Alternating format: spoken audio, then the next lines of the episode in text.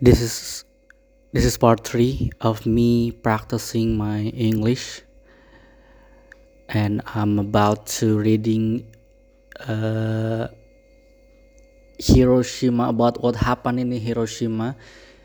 Credits to the New Yorker magazine. There had been no breeze earlier in the morning, where Dr. Fujii had walked to the railway station to see a friend of, but now brisk winds were blowing every which way. Here on the bridge, the wind was easterly. New fires were leaping up, and they spread quickly, and in a very short time, terrible blasts of hot air and showers of cinders made it impossible to stand on the bridge anymore. Dr. Machii ran to the far side of the river and along a still unkindled street. Dr. Fujii went down into the water under the bridge, where a score of people had already taken refuge, among them his servants, who had extricated themselves from the wreckage. From there, Dr. Fujii saw a nurse hanging in the timbers of his hospital by her legs, and then another painfully pinned across the breast. He enlisted the help of some of the others under the bridge and freed both of them. He thought he heard the voice of his niece for a moment, but he could not find her. He never saw her again. Four of his nurses and the two patients in the hotel died too. Dr. Fujii went back into the water of the river and waited for the fire to subside. The lot of these doctors, Fujii, Kanda, and Machii, wrecked after the explosion, and as these three were typical, that of the majority of the physicians and surgeons of Hiroshima, with their offices and hospital destroyed, their equipment scattered, their own bodies incapacitated in varying degrees, explain why so many citizens who, her, who were hurt went attend and why so many who might have lived died. Of 150 doctors in the city, 65 were already dead and most of the rest were wounded. Of 1,780 nurses, 1,654 were dead or too badly hurt to work. In the biggest hospital, that, that of the Red Cross, only six doctors out of 30 were able to function, and only 10 nurses out of more than 200. The sole uninjured doctor on the Red Cross hospital staff was Dr. Sasaki. After the explosion, he hurried he hurried to a storeroom to fetch bandage. This room, like everything he had seen as he ran through the hospital, was chaotic. Bottles of medicine strewn off shelves and broken shelves pattered on the walls, instruments strewn everywhere. So he grabbed up and bandage. Uh, he grabbed up some bandage and unbroken bottle of mercurochrome hurried back to the chief surgeon and bandaged his cuts. Then he went out into the corridor and began patching up the wounded patients and the doctor and the nurses there. He blundered so without his glasses and he took a bit of the face of a wounded nurses and although they only approximately compensate for the errors of his vision, they were better than nothing. He was to depend on them for more than a month. Dr. Sasaki worked without method, taking those who were the nearest him first, and he noticed soon the, that the corridors seemed to be getting more and more crowded, mixed in with the abrasions and lacerations which most people in the hospital had suffered. He began to find dreadful burns. He realized then that casualties were pouring from the outdoors. There were so many that he began to pass up the lightly wounded. He decided that all he could hope to do was stop people from bleeding to death. Before long, patients lay and crouched on the floors of the wards and the laboratories and all other rooms, and in the corridors and on the stairs and in on the front hall and under the porte cochere and on the stone front step and in the driveway and courtyard, and four blocks each way in the street outside. Wounded people supported maimed people. Disfigured families leaned together. Many people were vomiting.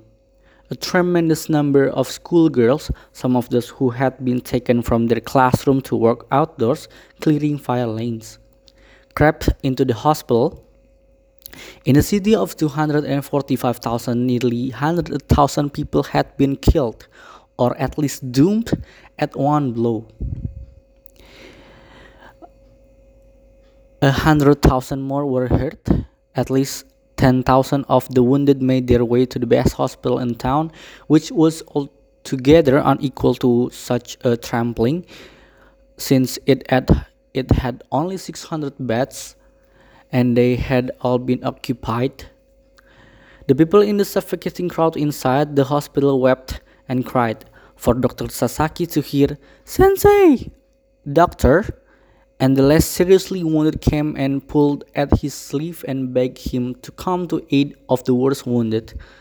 Tugged here and there in his stocking feet, bewildered by the numbers, staggered by so much raw flesh, Dr. Sasaki lost all sense of profession and stopped working as a skillful surgeon and a sympathetic man.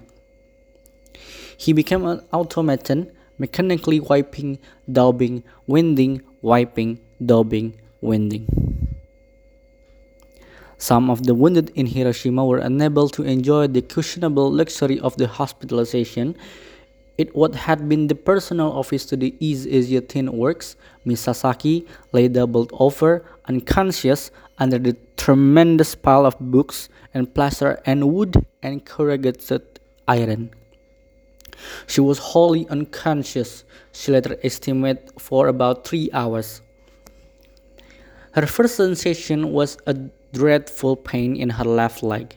It was so black under the books and the breeze that the borderline between awareness and unconsciousness was fine. She apparently crossed it several times, for the pain seemed to come and go. At the moment when it was sharpest, she felt that her leg had been cut off somewhere below the knee. Later, she heard someone walking on the top of the wreckage above her, and anguished voices spoke up, evidently from within the mess around her. Please help! Get us out! Father Kleinsorg stamped Father Schiffer's sporting cut as well as he could with some bandage that Dr. Fujii had given in the priest a few days before. When he finished, he ran into the mission house again and found the jacket of his military uniform and an old pair of gray trousers. He put them on the one side. A woman from next door ran up to him and shouted to her husband was buried under her house and the house was on fire. Father Kleinsorg must come and save him. Father Kleinsorg, already growing apathetic and dazed in the presence of the cumulative distress, said, We haven't much time. Houses all around burning and wind was now blowing hard. Do you know exactly which part of the house is he is under? he asked. Yes, yes, she said. Come quickly. They went around the house, the remains of which blazed fiercely, but when they got there, it turned out that the woman had no idea where her husband was. Father Kleinsorg shouted several times, Is there anyone there? There was no answer. Father Kleinsorg says to the woman, We must get away or we will all die. He went to the Catholic compound and told the Father Superior that the fire was coming closer on the wind, which had swung around and was now from the north. It was time everybody to go. Just then, the kindergarten teacher pointed out the priest, Mr. Fukai, the secretary of the diocese, who was standing in his window on the second floor of the mission house, facing in the direction of the explosion, weeping. Father Cieslik, because he thought the stair unusable, ran around to the back of the mission house to look for a ladder. Then he heard people crying for help under a nearby fallen roof. He called to passerby running away in the street to help him leave it, but nobody paid any attention and he had to leave the bird once to die. Oh, this is so hard. Father Kleinsorg ran inside the mission house and scrambled up to the stairs, which were awry and piled with the plaster and lathing, and called to Mr. Fukai from the door from the doorway of his room. Mr. Fukai, a very short man about fifty, turned around slowly with a queer look and said, Leave me here. Father Kleinsorg went into the room and took Mr. Fukai by the collar of his coat and said, Come with me or you will die. Mr. Fukai said, Leave me here to die. I can't. Okay. Father Kleinsorg began to shove and haul Mr. Fukai out of the room. Then the theological student came up and grabbed Mr. Fukai's feet, and the Father Kleinsorg to his shoulders, and together they carried him downstairs and outdoors. I can't walk, Mr. Fukai cried. Leave me here. Father Kleinsorg got his paper suitcase with the money in it and it took Mr. Fukai up pickaback and the party started for the East Parade Ground, their district's safe area, quote unquote. As they went out of the gate, Mr. Fukai, quite childlike now, uh, beat on Father Kleinsorg's shoulder and said, I won't leave, I won't leave. Irrelevantly, Father Kleinsorg turned into Father LaSalle and said, We have lost all our possessions, but now but not our sense of humor. The street was cluttered with parts of houses that had slid into it and with fallen telephone poles and wires. From every second or third house came the voices of the buried and abandoned, who invariably screamed with formal politeness, Tasukete, Help, if you please! The priest recognized several rooms from which the these cries came as came as the homes of friends, but because of the fire, it was too late to help. All the way, Mr. Fukai whimpered, "Let me stay." The party turned right when they come to a block of fallen house that was one flame, at Sakai Bridge, which would take them across to East Great Parade, East Parade Ground. They saw that the whole community on the opposite side of the river was sheet of fire. They dared not cross and decided to uh, take refuge in Asano Park, off to the left. Father Kleinsorg, who had been weakened for a couple days by his bad case of diarrhea, began to stagger under his protesting burden, and he, as he tried to climb over the wreckage of several houses that blocked their way to the park, he stumbled, dropped Mr. Fukai, and plunked down, head over heels, to, to the edge of the river. When he picked himself up, he saw Mr. Fukai running away. Oh. Father Kleinsorg shouted to a dozen soldiers who were standing by the bridge to stop him.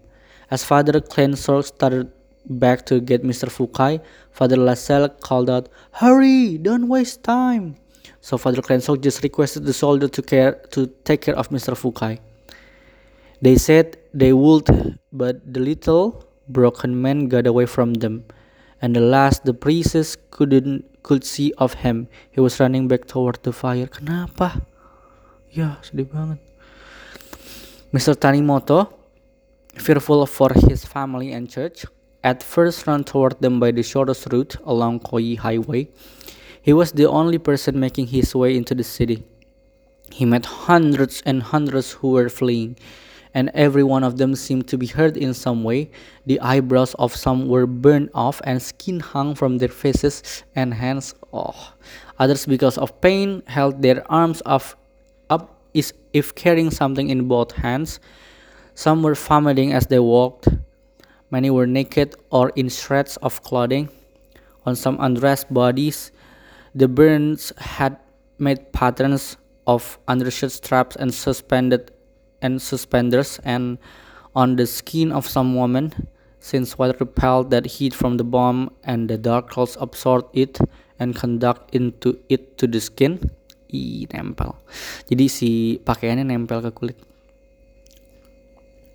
The shapes of flowers they had had on their kimonos. Oh Allah Akbar.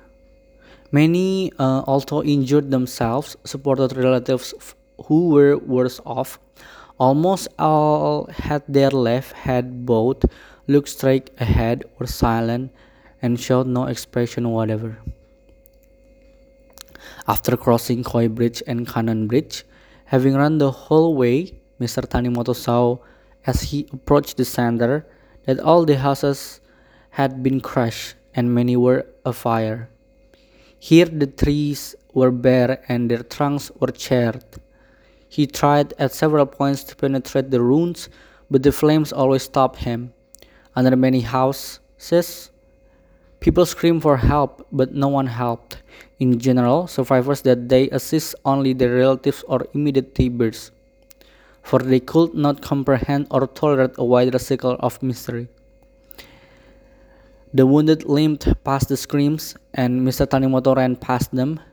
As a Christian, he was filled with the compassion for those who were trapped, and as a Japanese, he was overwhelmed by the shame of being unheard, and he prayed as he ran, God, help them and take, take them out of the fire.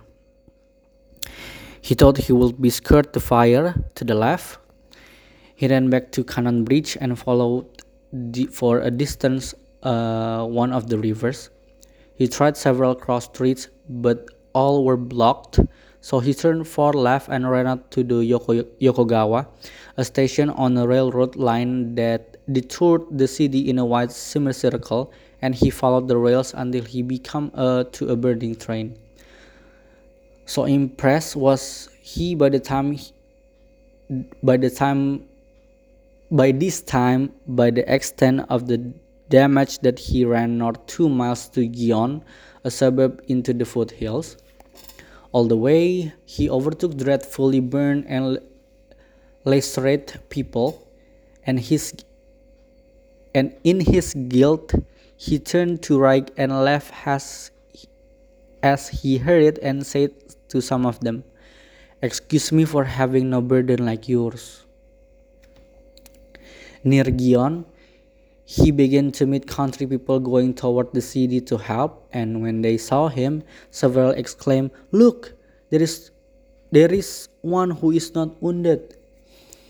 At Gion, he bore toward the right bank of the main river, the Ota, and ran, the, and ran down it until he reached fire again.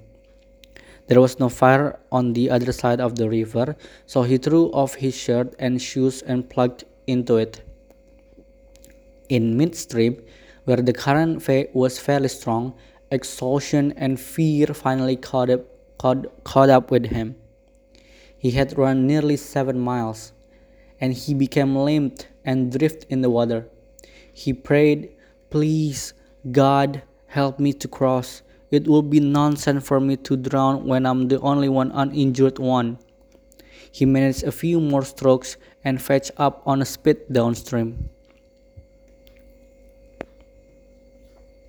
Mr. Tanimoto climbed up the bank and ran along it until, near a large Shinto shrine, he became he came to more fire. As he turned left to go to get around to get around it, he met by incredible luck his wife. She was carrying the infant son. Mr. Tanimoto was now so emotionally worn out that nothing could surprise him. He did not embrace his wife. He simply said, Oh, you are safe. She told him that she had got home from her night in Ushida just in time for the explosion. She had been buried under the parsonage with the baby in her arms. She told how the wreckage had pressed down on her, how the baby had cried. She saw a chink of life, of light, and by reaching up with a hand, she worked the hole bigger, bit by bit. After about half an hour, she heard the crackling noise, a crackling noise of wood burning. At last, the opening was big enough for her to push the baby out, and afterward she crawled out herself. She said she was now going to Ushida again. Mr. Tanimoto said he wanted to see his church and take care of the people of his neighborhood association.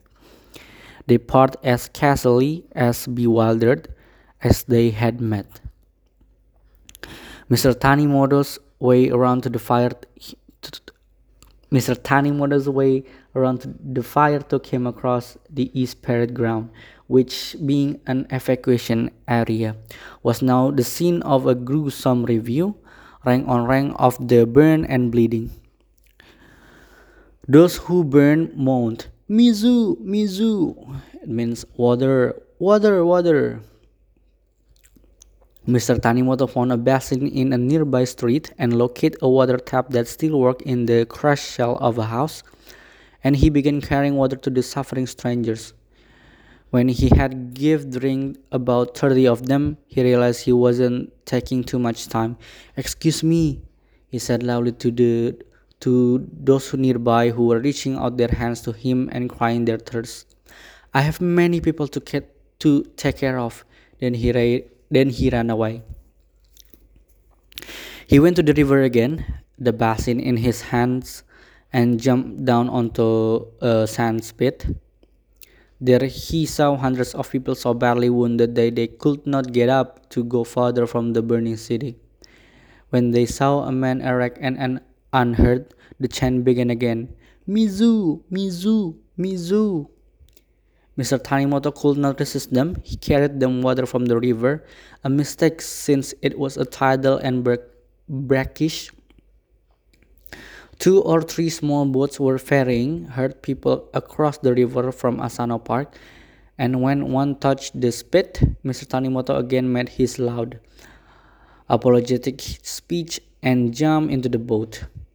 It took him across to the park, then there sorry.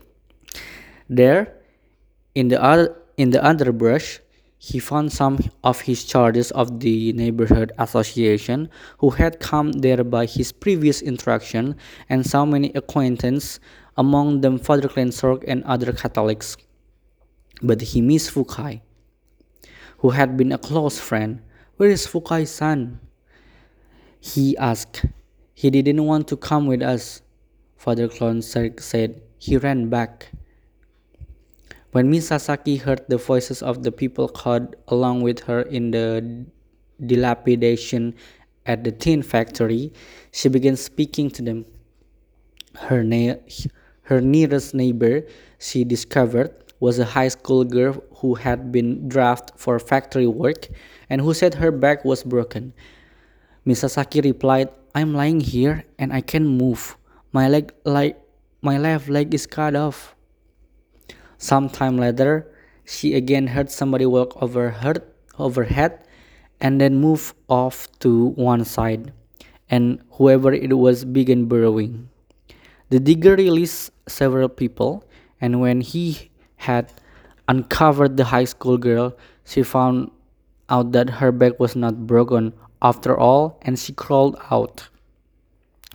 Miss Sasaki spoke to the rescuer and he worked toward her. He pulled away a great number of books until he had made a tunnel to her. She could see his perspiring face as he said, Come, come out, miss, come out, come out. She tried. I can't move, she said. The man excavated some more and told her to try with all her strength to get out, but books were heavy on her hips and the man finally saw that a bookcase was leaning on the books and that a heavy beam pressed down on the bookcase. Wait, he said, I'll get a crowbar.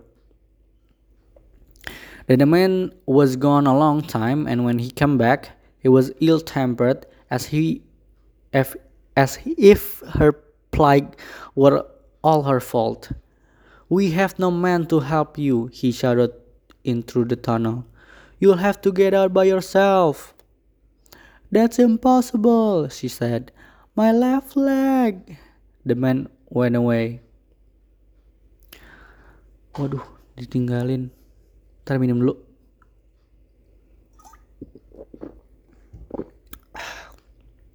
Much later, several men came and dragged Miss Sasaki out. Her left leg was not severed, but it was badly broken and cut, and it hung askew below to the knee. They took her out into the courtyard. It was raining. She sat on the ground in the rain. When a downpour increased, Uh, some someone directed all the wounded people to take cover in the factory's air raid shelters. Come along, a torn-up woman said to her. You can hop. But Miss Sasaki could not move, and she just waited in the rain. Then the man propped up a large sheet of corrugated iron as a, as a kind of lean-to and took her in his arm and carried her to it. She was grateful until he brought two horribly wounded people, a woman with a whole breast shirt off and a man whose face was all raw from a burn. To share the simple shed with her, no one came back. The rain cleared and the cloudy afternoon was hot. Before nightfall, the three Grotskus, Grotskui, Grotsku, Grotskus under the slanting piece of twisted iron began to smell quite bad. Duh, baunya gimana coba? The former head of the Noboricho Neighborhood Association, to which the Catholic priest belonged, was an energetic man named Yoshida. He had boasted when he was in charge of the district air raid defenses that fire might eat away all of all of Hiroshima, but it will never come to Noboricho. The bomb blew down his house, and a joy spent by, by the legs, in a full view of the Jesuit mission house across the way and of the people hurrying along the street. In their confusion as they hurried past Miss Nakamura with her children and Father Kleinsorg, with Mr. Fukai on his back, hardly saw him. He was just part of the general blur of misery through which they moved. His cry for help brought no response from them. There were there were so many people shouting for help they could not hear him separately. They and all the others went along. Noboricho became absolutely deserted, and the fire swept through it. Mr. Yoshida saw the wooden mission house, the only erect building in the area go up in a lake of flame, and the heat was terrific on his face. Then, then flames come along this side of the street and entered his house. In a paroxysm, in a paroxysm of terrified strength, he freed himself and ran down the alleys of Noboricho. Hemmed in by the fire, he said, would never come. He began at once to behave like an old man. Two months later, his hair was white. I'll continue tomorrow to the part 4. Thank you for listening.